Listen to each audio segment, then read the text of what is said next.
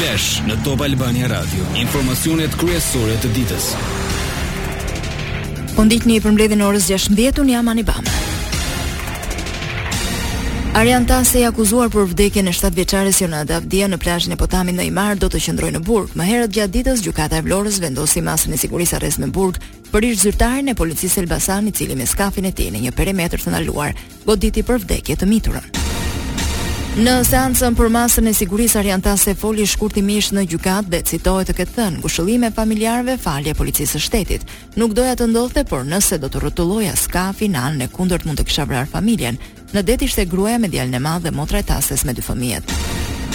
Për Arjan Tasen, prokuroria kërkoi arrest me burg dhe dje u mësua se ky institucion kundërshtoi qëndrimin dhe referimin e policisë së Vlorës që e akuzoi për vrasje nga pakujdesia, Tashmë ndaj tij rëndon akuza vrasje e kryer në formën e dashjes indirekte dhe raportohet se në sallën e gjyqit nuk e kundërshtoi masën e sigurisë.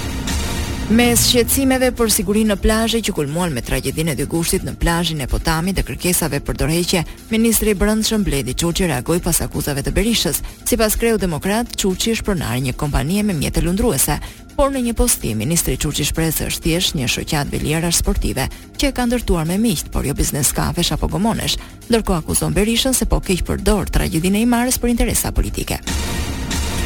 Replika vazhdoi dhe Berisha i mbetet qëndrimit se Çuçi mbajti qëndrim skandaloz pas ngjarjes në Himarë. Bën një status që e fillon dhe mbaron me Sali Berishën dhe nuk gjen një hapësirë minimale për familjen që humbi fëmijën, tha kreu demokrat. Gjithashtu hodhi akuza se u bënë tentativa masive për të fshehur gjurmët e krimit. Gjithçka flasin për një krim të mirëfilltë shtetëror. Jo vetëm autori tentoi të largohet, por janë zhdukur kamerat që regjistruan skenën e krimit. Persona kriminelë njëlloj si Arjan Tase, menjëherë kanë marrë kamerat dhe i kanë zhdukur ato.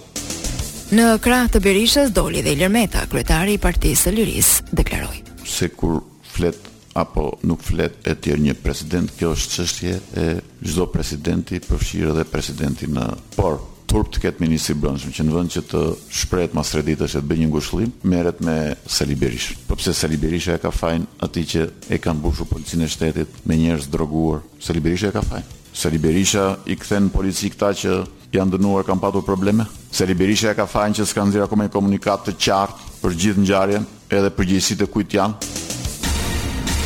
Jehona e tragjedisë së Himarës i ka kapërcyer kufijtë e Shqipërisë. Lajmi nuk u la në heshtje nga mediat në Britani nisur dhe nga fakti që Jonada ishte shtetase britanike.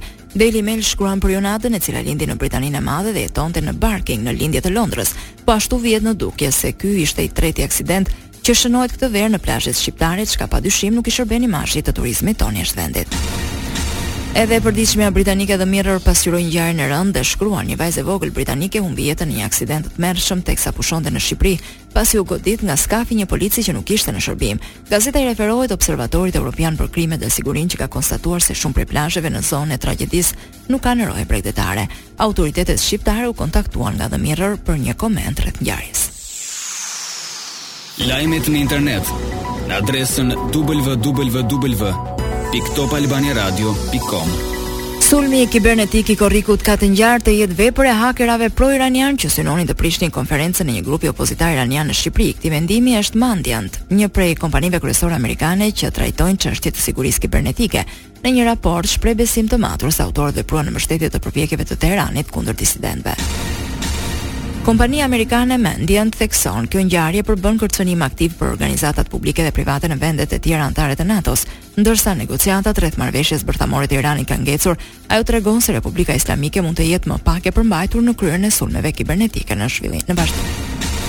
Për Ballkanin Perëndimor, senatorë demokratë dhe republikanë amerikanë paraqitën një projektligj që synon të mbështesë zhvillimin ekonomik, tregtinë, si dhe të luftojë korrupsionin, po ashtu përfshin hartimin e legjislacionit të posaçëm për sanksionet për të frenuar aktivitetet destabilizuese në Ballkan, Akti mbi demokracinë dhe prosperitetin, Vjen mes shqetësimesh të rritura në rajon për shkak të luftës ruse në Ukrainë.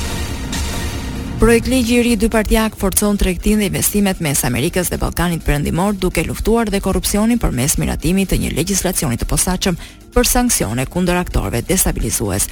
Drafti udhëzon sekretarin e shtetit Blinken të ofrojë ndihmë teknike për çdo vend të Ballkanit Perëndimor për të zhvilluar strategji kombëtare kundër korrupsionit. Gjithashtu, projektligji amerikan parashikon kthimin në ligj të dy urdhrave ekzekutivë, përmes tij do të garantoheshin kompetenca për sanksione kundër atyre që kërcënojnë paqen dhe stabilitetin në Ballkanin Perëndimor dhe që janë të përfshirë në akte korruptive. Lajme nga bota. Luftime të ashpra në lindje të Ukrainës në rajonin Donetsk, separatistët e mbështetur nga Moska po përpiqen të largojnë forcat e Kievit nga qytetet Bakhmut dhe Avdiivka, ndërsa zyrtarët ushtarakë ukrainas thanë se Rusia mund të nisë ofensivë të re në jug, duke grumbulluar forca atje. Palët akuzojnë njëra-tjetrën se po shkaktojnë viktima në radhët e civilëve. Bombardimet pranë termocentralit bërthamor në Zhaporizhia po shkaktojnë shqetësimin e OKB-së. Rafael Grossi, kreu i Agjencisë Ndërkombëtare të Energjisë Atomike, tha se çdo parim i sigurisë bërthamore u shkel në central. Në buletinin e përditshëm të inteligjencës, Ministria e Mbrojtjes e Britanisë së Madhe vlerëson se synimet e Rusisë ndaj centralit mbeten të paqarta. Edhe tre anije të mbushura me drithra largohen sot nga Ukraina në bazë të marrëveshjes së mbështetur nga Kombet e Bashkuara për të rikthyer eksportet e drithrave dhe të produkteve bujqësore. Njoftimi vjen nga Ministria Turke e Mbrojtjes duke konfirmuar nisjen e mjeteve lundruese nga portet e Ukrainës në detin e Zi.